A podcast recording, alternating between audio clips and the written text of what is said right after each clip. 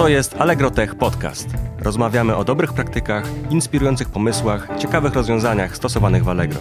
Ja nazywam się Piotr Petkier i zapraszam do słuchania. Dziś naszym gościem jest Ireneusz Gawlik. Irek jest liderem zespołów, których misją jest badanie i rozwój machine learningu w Allegro. Cześć Irek. Cześć. Badanie i rozwój machine learningu, to znaczy czym się konkretnie zajmujecie? No, dokładnie tym, machine learningiem. E, mamy wiele projektów, które mają na celu rozwijanie e, projektów właśnie opartych o uczenie maszynowe e, w Allegro. Ale żeby to dobrze robić, no to musimy uczenie maszynowe dobrze znać. To nie jest wcale, wcale takie proste, to nie jest coś, co można było nazwać jakąś poddziałką informatyki po prostu. E, I, i dlatego postanowiliśmy faktycznie stworzyć dział, który będzie też rozwijać uczenie maszynowe po to, żeby mieć najlepszych pracowników, po to, żeby mieć najlepsze talenty. E, no i tak też funkcjonujemy. Robimy w tym samym czasie projekty, które mają na celu e, poprawę platformy, rozwijanie nowych produktów. Z drugiej strony e, pracujemy też nad aspektem badawczym, staramy się czerpać, ale też trochę dawać do świata nauki. To jakie przykładowe produkty tworzycie? Pewnie takim naszym największym sztandarowym produktem jak na tą chwilę produktem. Produkt to jest może nie najlepsze słowo, no bo, e, bo rzadko kiedy e, wprost jakieś rozwiązanie oparte o uczenie maszynowe przekłada się na e, taki produkt self-contained. Bardziej jest to jakieś ulepszenie bądź, bądź jakaś nowa jakość w produkcie. Ale powiedziałbym, że, że, że najważniejszym produktem, do którego kontrybuujemy, jest wyszukiwarka, bo tutaj możemy zrobić bardzo dużo korzystając z efektu skali. Wyszukiwarka jest y, pewnie takim, powiedziałbym, podstawowym e, składnikiem Allegro. Bez wyszukiwarki Allegro by nie istniało.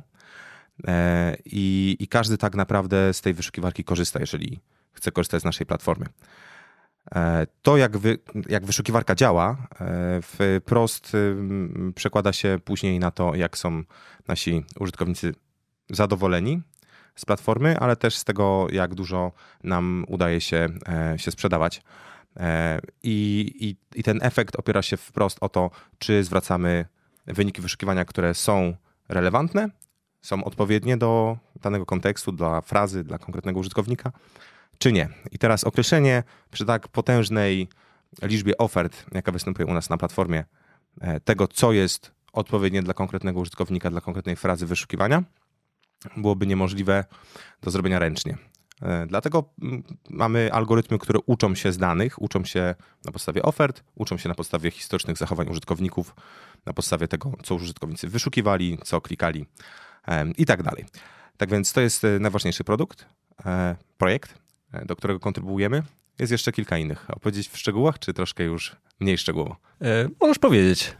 Drugim super ciekawym produktem który już faktycznie jest, jest bardziej produktem e, opartym o uczenie maszynowe, e, jest wyszukiwanie obrazkowe, czyli znowu wyszukiwarka, ale w troszkę innym, e, w troszkę innym setupie. Zależy nam na tym, żeby nie wyszukiwać korzystając z frazy, ponieważ niektóre przedmioty, które moglibyśmy zakupić, chcielibyśmy zakupić, są dość trudne do zwerbalizowania. Na przykład, jeżeli mamy, jak to zresztą kiedyś kolega ode mnie z zespołu pokazywał, sukienkę w, we wzorki ala chińska porcelana. Pewnie jak wpiszemy sukienka we wzorki ala chińska porcelana, to nic nam się ciekawego na Allegro nie pojawi, bo po prostu no, to jest jedna, jeden ze sposobów zwerbalizowania tego, co widzimy. Um, natomiast jeżeli byśmy pokazali zdjęcie i powiedzieli, chcemy coś takiego, to to powinno działać. E, właśnie nad takim produktem e, pracujemy. Pracujemy nad nim od dłuższego czasu.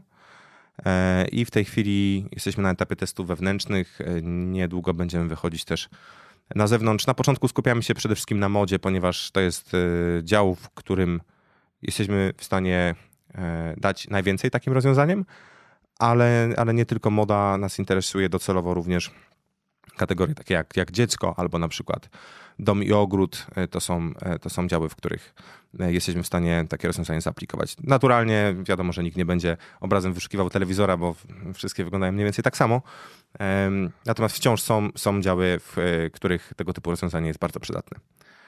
Trzecim produktem, nad którym pracujemy, jest wsparcie obsługi klienta.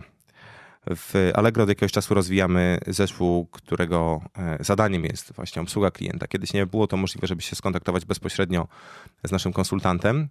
E, w tej chwili e, mocno w to inwestujemy. Zależy nam na tym, aby jak najlepiej odpowiadać na potrzeby klientów. Tego typu praca jest, jest bardzo żmudna.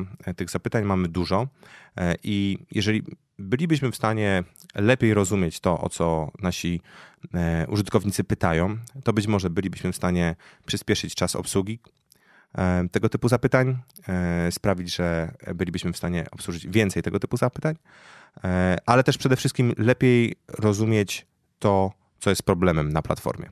Jeżeli będziemy w stanie pokategoryzować i zrozumieć te zapytania w sposób powiedzmy, uwzględniając całą skalę, całą, całą bazę tych zapytań, nie tylko pojedyncze przypadki, e, to wtedy będziemy mieli bardzo cenne wskazówki odnośnie tego, co na platformie nie działa. Dzięki temu będziemy się mogli skupić na, na tych obszarach, e, nad którymi warto popracować.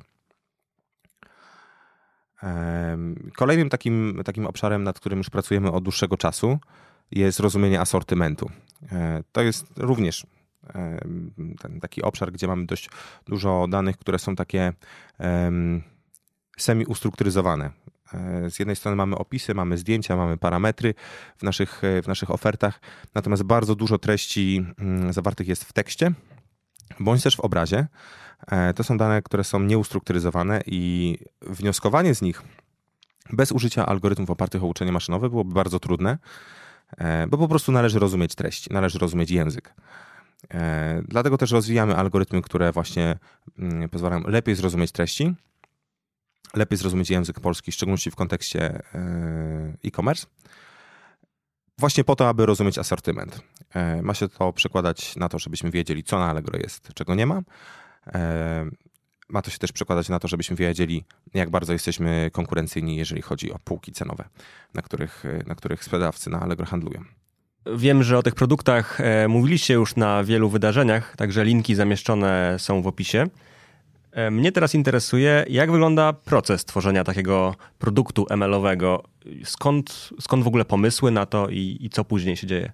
Więc tak, e, może zacznę od, od tego, jak było na początku. Na początku, kiedy startowaliśmy z projektem rankowania, E, z wykorzystaniem uczenia maszynowego. Mówię tutaj o tym projekcie, który ma na celu tworzenie modeli do ustalania kolejności wyników wyszukiwania e, na stronie wyszukiwania. E, to była idea, która, która wyszła od nas. Wiedzieliśmy, że coś takiego się robi. Wiedzieliśmy, że nad tego typu modelami pracuje na przykład Google, bo naturalnie jest to, jest to wyszukiwarka i rankowanie wyników wyszukiwania jest jak gdyby korowym elementem ich biznesu. Wiedzieliśmy, że jest to ważne i że możemy tutaj zrobić dużo, e, bo rozumieliśmy, że po prostu złożoność naszego asortymentu jest zbyt duża, aby próbować e, stosować jakieś, jakieś ręcznie tworzone reguły. E, więc licząc na to, że będzie duży efekt, że efekt skali nam pozwoli tutaj też osiągnąć wymierne korzyści, zaproponowaliśmy pracę nad tego typu projektem, więc to była taka oddolna inicjatywa.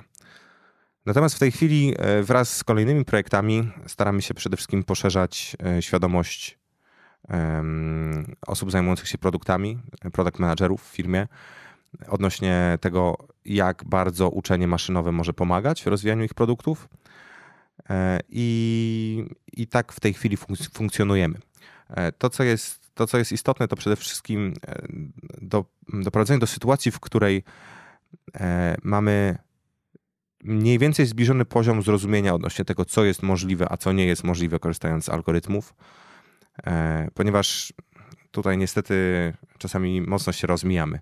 E, jedne osoby mają wrażenie, że na przykład algorytmy wciąż nie są w stanie zrozumieć tekstu, inne osoby mają wrażenie, że, e, że algorytmy są w stanie zrobić wszystko, co robią ludzie, co też jest oczywiście nieprawdą jeszcze.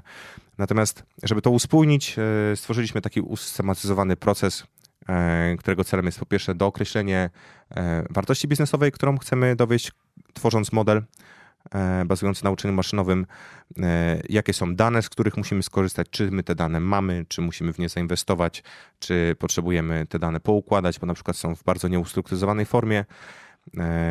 Co finalnie ma model robić? Bo model zawsze ma jakieś wejście, ma jakieś dane wejściowe i zawsze ma jakieś wyjście, ma jakiś wniosek na podstawie tych danych. Więc zrozumienie tego, co dokładnie model ma zrobić i na którym etapie e, produktu będzie on, on użyty, to jest coś, co powinno leżeć po stronie product managera. E, teraz ustrukturyzowaliśmy taki proces, żeby pomagać product managerom z poukładaniem sobie właśnie tych aspektów. Później przechodzimy do etapu dyskusji odnośnie tego, co jest możliwe, jak długo nam to zajmie, ile osób powinno pracować nad konkretnym projektem. No i finalnie, jeżeli dochodzimy do wniosku, że gra jest warta świeczki, startujemy z takim projektem. Czyli macie już pomysł i co dalej? Zakładając, że jest kilka osób, które e, mogą wystartować pracę nad projektem, e, przeważnie startujemy od tego, aby stworzyć e, jakieś POC, e, czyli proof of, proof of concept, E, który e, pozwoli nam w ogóle zwalidować ideę. Przeważnie to nie jest tak, że mamy mm, jakiś zestaw funkcjonalności, które mają być spełnione, tak jak w typowym projekcie informatycznym. Raczej mamy hmm, hipotezę, którą chcemy zwalidować.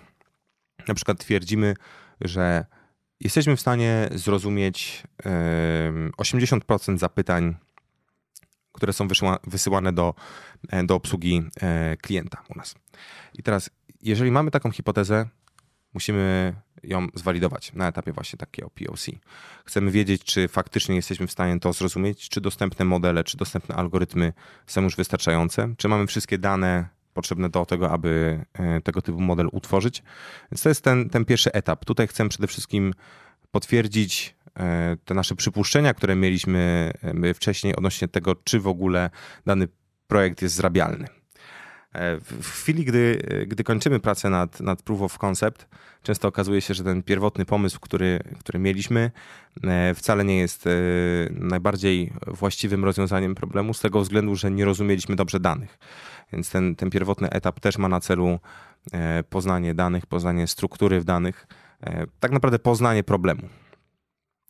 E, później przechodzimy do e, takiej bardziej usystematyzowanej, iteracyjnej pracy nad kolejnymi wersjami modelu, korzystając z jakichś bardzo e, jasno określonych metryk, którymi walidujemy nasze modele i bardzo jasno określonych zbiorów danych, które uważamy za reprezentacyjne. Jeżeli mamy dane, które są jakimś tam naszym zbiorem, powiedzmy, walidacyjnym, czyli takim, na którym jesteśmy w stanie oceniać jakość jakość naszych modeli. Mamy dookreślone metryki, które potwierdziliśmy już wcześniej z odbiorcą biznesowym, że to są metryki, które reprezentują tą wartość, którą mm, ten odbiorca chce uzyskać. Pracujemy po prostu nad poprawą jakości modelu aż do etapu, w którym jesteśmy zadowoleni. To z jakich technologii korzystacie do y, uczenia modeli? W tej chwili głównie korzystamy z y, biblioteki PyTorch. Y, wcześniej trochę korzystaliśmy z innych bibliotek, które mają na celu E, definiowanie i trenowanie e, modeli głębokich. Może tutaj do określenia, czym są modele głębokie. Tak, przede wszystkim w tej chwili trenujemy sieci neuronowe. E, wiadomo, jest też cała masa innych algorytmów uczenia maszynowego stosowanych klasycznie od wielu lat. Natomiast od mniej więcej dekady nie, nie, ten, nie, ten niezwykle mm, szybki rozwój związany ze sztuczną inteligencją następuje właśnie w e, obszarze sieci neuronowych, w szczególności głębokich sieci neuronowych, czyli takich o dość e, złożonej strukturze. E, aby takie modele trenować, musimy zdefiniować je w taki sposób, aby można było stosować algorytmy stosowane właśnie do ich treningu. I te algorytmy narzucają szereg wymagań, odnośnie tego, e, jak model jest zdefiniowany. Mm, I mm, ta struktura modelu wraz z, e, z jakąś definicją parametrów i tak dalej e, jest następnie używana w treningu. I ten trening nie mógłby się odbywać bez bibliotek, które to automatyzują. Definiowanie tego ręcznie byłoby po prostu zbyt złożone. Dlatego tak, korzystamy z PyTorcha, który pozwala nam właśnie na e, tak zwane gradientowe uczenie modeli, e, automatyzując właśnie wyznaczanie gradientów, e, automatyzując to, jak, jak optymalizujemy modele. E, I w zasadzie w tej chwili e, to jest główna biblioteka, której, której używamy e, w większości projektów. Inną taką biblioteką, którą używamy dość tak ekstensywnie na, na produkcji, to jest XGBoost. To jest biblioteka, która tworzy modele w zasadzie ensemble modeli drzewiastych. I to jest używane w tej chwili głównie w rankingu. Mm, oczywiście całość opiera się o, o język Python. W zasadzie nie korzystamy w tej chwili już z R, kiedyś trochę korzystaliśmy. Jeżeli chodzi o, o dane, e, przede wszystkim e, Hadoop i Spark. E, w zasadzie do takiej analityki i tworzenia zbiorów ad hoc korzystamy z PySparka, natomiast takie usystematyzowane przetwarzania batchowe, które działają produkcyjnie, są w większości przeniesione na Sparka i to jest oczywiście napisane w języku Scala. Załóżmy, że macie już e, nauczony model e, i co teraz? Jak go wdrożyć na produkcję? No to jest właśnie uzależnione od tego, e, o jakim typie modelu mówimy. Ale skupiając się na sieciach neuronowych, no bo tak jak mówiłem, to jest, to jest technologia, powiedzmy, technologia, koncept, paradygmat, w którym w tej chwili najmocniej funkcjonujemy. Mm, korzystamy przede wszystkim z tego, co oferuje nam Google Cloud Platform. Tam mamy możliwość wdrażania modeli na produkcję. Oczywiście wiąże się to z pewnymi narzutami, jeżeli chodzi chociażby o czas komunikowania się pomiędzy centrami danych. Natomiast jeżeli nie, nie mamy takiego narzutu związanego z tym, że koniecznie musimy ewaluować te modele z jak najmniejszą latencją, możemy sobie na to pozwolić. Jeżeli potrzebujemy ewaluować modele ze znacznie mniejszą latencją, czyli na przykład w procesie wyszukiwania, wtedy korzystamy z z naszego wewnętrznego clouda e, i, i po prostu wdrażamy nasze modele na Mezosa. A gdzie trenujecie te modele? E, no, korzystamy z, z chmury e, publicznej, z Google Cloud Platform. Postanowiliśmy, że jak na razie w, w Allegro nie chcemy inwestować w infrastrukturę, która pozwoli nam na trenowanie modeli. Przede wszystkim do trenowania modeli potrzebujemy bardzo dużych mocy obliczeniowych e, i, i po prostu bez dedykowanych kart graficznych wytrenowanie dużych modeli, złożonych modeli z milionami parametrów e, w zasadzie nie jest możliwe. E, dlatego korzystamy z zewnętrznego clouda, bo pozwala nam to na takie skokowe zwiększenie zużycia zasobów. Są momenty, w których naprawdę potrzebujemy wielu kart.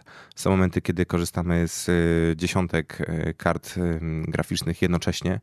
są karty graficzne, które, które kosztują wręcz po kilkanaście tysięcy euro za sztukę. Jeżeli chcielibyśmy stworzyć rozbudowaną infrastrukturę u siebie, pewnie, pewnie byłoby to, by to dość kosztowne. Jak na razie ta elastyczność, która która jest nam dawana przez, przez GCP, e, jest, jest dla nas e, bardzo ważna mm, i pozwala nam działać zdecydowanie bardziej dynamicznie. Z tym zestaw narzędziowy, który jest opracowany e, przez inżynierów z Google'a, dość mocno nam, nam odpowiada, dość sprawnie nam się tego używa. Oczywiście są, są aspekty, nad którymi pracujemy, komunikujemy się sprawnie nad, nad pewnymi ulepszeniami, natomiast mm, generalnie jesteśmy, jesteśmy całkiem zadowoleni z tego rozwiązania. Są takie przypadki, e, w szczególności ostatnio pracowaliśmy nad pewnymi modelami językowymi. E, chcieliśmy stworzyć modele językowe dla języka polskiego, oczywiście, e, w oparciu o taką architekturę, która się nazywa BERT. Mm, zresztą jesteśmy na etapie upubliczniania tych modeli. Mm, potrzebowaliśmy bardzo dużo mocy obliczeniowej. To są modele, które trenują się tygodniami na, na wielu kartach w środowisku rozproszonym. W praktyce E, włączenia jednego treningu w danym czasie potrzebowaliśmy na przykład 8 maszyn z 8 takimi kartami.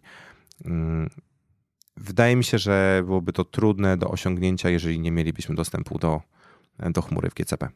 Ciekawi mnie, jak w ogóle doszło do stworzenia takiego działu RD w Allegro. No cóż, jakoś pewnie od, e, od kilku lat ciężko e, myśleć o, o branży IT bez pojęcia uczenia maszynowego.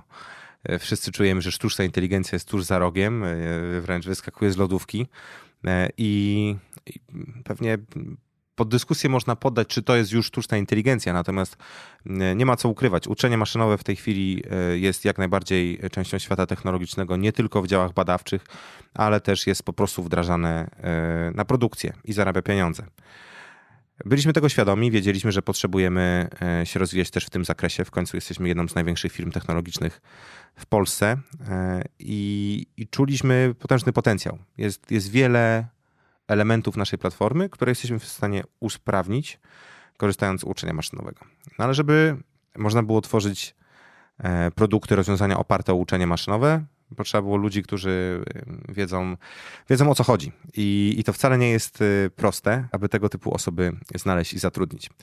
Przeważnie są to osoby, które mają e, doświadczenie, background akademicki. E, często są to osoby, które e, pracują nad doktoratem albo ukończyły już, już studia doktoranckie, już się obroniły. Często są to osoby, które po prostu nie wyobrażają sobie pracować w środowisku komercyjnym bez możliwości prowadzenia badań naukowych. Teraz dlaczego?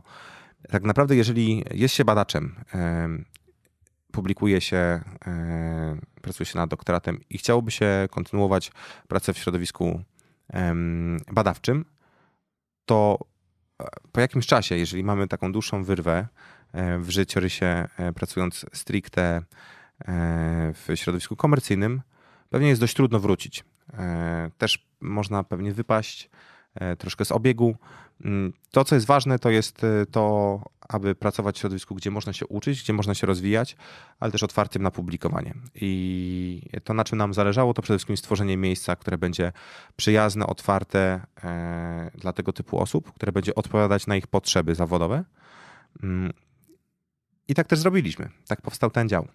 To jak się rozwijacie, skąd czerpiecie wiedzę i jak dzielicie się wiedzą? No więc tak, jak chodzi o czerpanie wiedzy, naturalnie publikacje naukowe bo to jest e, źródło wiedzy w tym świecie. E, bardzo dużo jeździmy na konferencje, e, faktycznie jeździmy na, na najważniejsze topowe konferencje ML-owe na świecie. W tym roku, co by nie, nie być gołosłownym, osoby z, z naszego zespołu były na konferencjach takich jak NeurIPS, jak iClear, jak CVPR, jak SIGIR, jak ACL. To są wszystko najważniejsze topowe konferencje naukowe na świecie. Poza tym, mm, oczywiście, tak jak wcześniej już wspominałem, e, mamy możliwość prowadzenia badań. Więc założenie jest takie, że w chwili, gdy mamy efekty, rezultaty, możemy e, to spisywać i również jechać e, z, ze swoją publikacją na tego typu konferencje. Oczywiście nie można być ekspertem w każdej dziedzinie, w szczególności jeżeli się prowadzi badania. E, to raczej jest to, jest to e, wciąż bardzo wąska e, działka uczenia maszynowego, mm, w sensie wąski poddział uczenia maszynowego. Natomiast fajnie jest pozostawać bardziej na bieżąco mm, w szerszym spektrum. A w uczeniu maszynowym dzieje się wiele. Można się zajmować wizją komputerową, można się zajmować rozumieniem tekstu, E, można się zajmować e, systemami rekomendacyjnymi. Jest bardzo wiele różnych zagadnień. E, I po to, aby, aby faktycznie rozumieć, co się dzieje, żeby być na bieżąco z najnowszymi publikacjami, prowadzimy po prostu seminaria. W bardzo zbliżonej formie, jak, jak forma akademicka. Po prostu co tydzień omawiamy jedną bądź więcej publikacji, przeważnie w blokach tematycznych.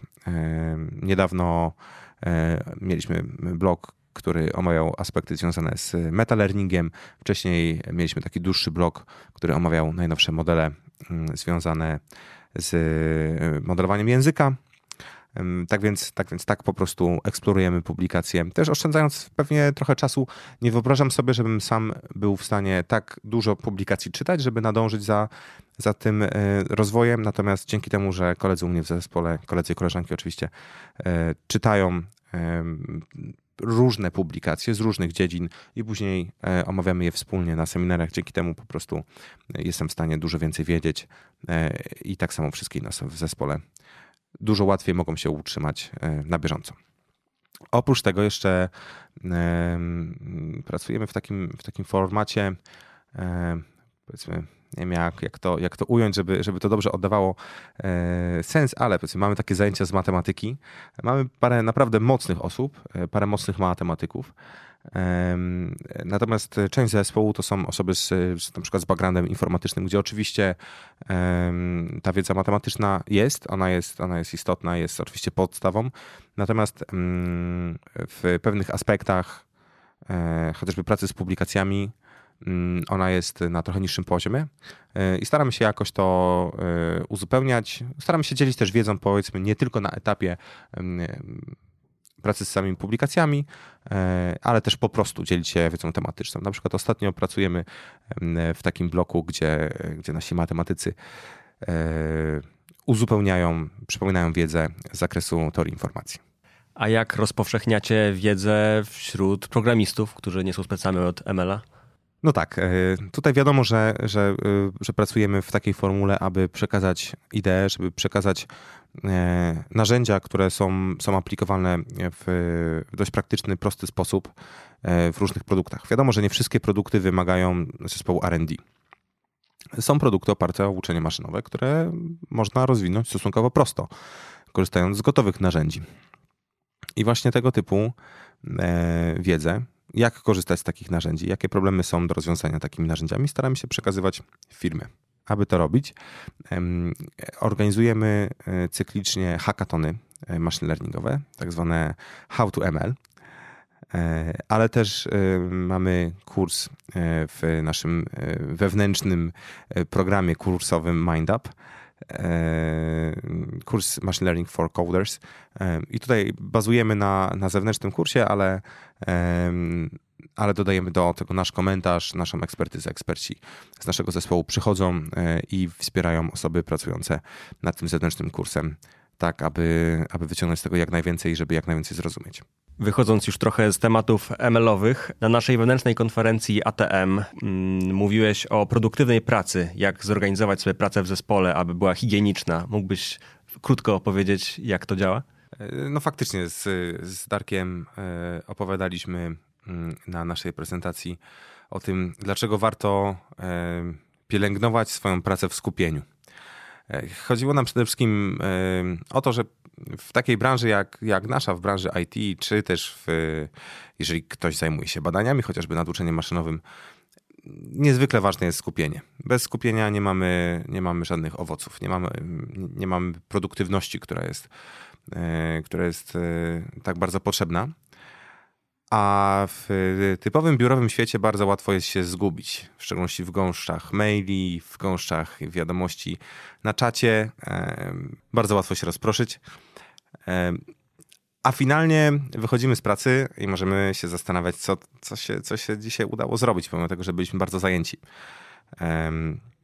To, na czym nam, nam zależało w tej prezentacji, to przede wszystkim przekazać perspektywę, w której warto w sposób aktywny, proaktywny pracować nad, nad higieną pracy, pracować nad e, jakimiś blokami czasu, e, w których możemy e, pracować w skupieniu. Z tego względu, że po prostu wydaje nam się, że praca w skupieniu produktywna, kiedy jesteśmy w stanie na koniec dnia stwierdzić, super, udało mi się zrobić to, to i tamto, udało mi się popracować w skupieniu, daje satysfakcję, daje pewne spełnienie. To nie jest po prostu taka miałka praca, e, w której przelewa się, się czas, tylko e, faktycznie jesteśmy w stanie wyprodukować coś, z czego jesteśmy dumni. E, żeby to zrobić, na pewno warto jest ustanowić pewien zestaw reguł, na przykład reguły związane z komunikacją, bardziej skupić się na tym, jak dużo pracy takiej mało produktywnej możemy dołożyć innym w chwili, gdy na przykład niepoprawnie formułujemy komunikat, e, w szczególności w komunikacji szerokiej, do kogo wysyłamy e, komunikaty. Dużo informacji odnośnie kultury pracy e, w organizacji, która oparta jest tak naprawdę o knowledge economy. Nasza prezentacja bazowała przede wszystkim na, na książkach Kala Newporta Deep Work i Digital Minimalism i również na, na książce e, Flow. To jest taka e, koncepcja opracowana przez Michaliego, Chiksy Michaliego. Polecamy do poczytania. To już powoli kończymy. A powiedz, co tam słychać u ciebie w Krakowie? Dobrze, dobrze, dziękuję. Tej zimy mniej smogu było. Trochę w końcu wszedł zakaz palenia paliwami stałymi w piecach, także działa. E, a poza tym w, w Allegro też zmiany. Przenosimy się do nowego e, biura. E, od sierpnia będziemy pracować w, w Unity Center przy rondzie mogilskim. Obecnie jesteśmy w biurze tymczasowym, w związku z tym, że już w naszym, naszym pięknym biurze przy plantach krakowskich nie było miejsca, tak więc teraz jesteśmy przy ulicy Pawiej w Business Linku High Five natomiast docelowo będziemy w, obok legendarnego szkieletora. Liczymy na to, że, że krakowskie biuro się mocno e, będzie rozwijało w następnych e, latach. Chcemy zatrudnić sporo inżynierów, także bardzo, bardzo serdecznie zachęcam do aplikowania. Mm, robimy super ciekawe projekty, bardzo dużo projektów związanych z marketingiem odbywa się w Krakowie. Oczywiście zespół e, Machine Learning Research zajmujący się uczeniem maszynowym również ma swoich reprezentantów, w tym mnie właśnie w Krakowie, także również zachęcamy. A gdyby ktoś chciałby się z Tobą skontaktować, jak najlepiej? Pewnie najlepiej, jeżeli e, skontaktuje się bezpośrednio, korzystając z portalu LinkedIn. Często też e, bywam e, na, na stoiskach e, Allegro, jeżeli jesteśmy na konferencjach, w szczególności właśnie na tych konferencjach związanych z uczeniem maszynowym, jak ML.in.pl. Też ostatnio byliśmy na konferencji PyData. Przeważnie jestem, więc, więc można wpaść i przebić piątkę. Naszym gościem był Irek Gawlik, lider zespołów R&D w Allegro. Dzięki za rozmowę, Irek. Dzięki. To był Allegro Tech Podcast. Do usłyszenia.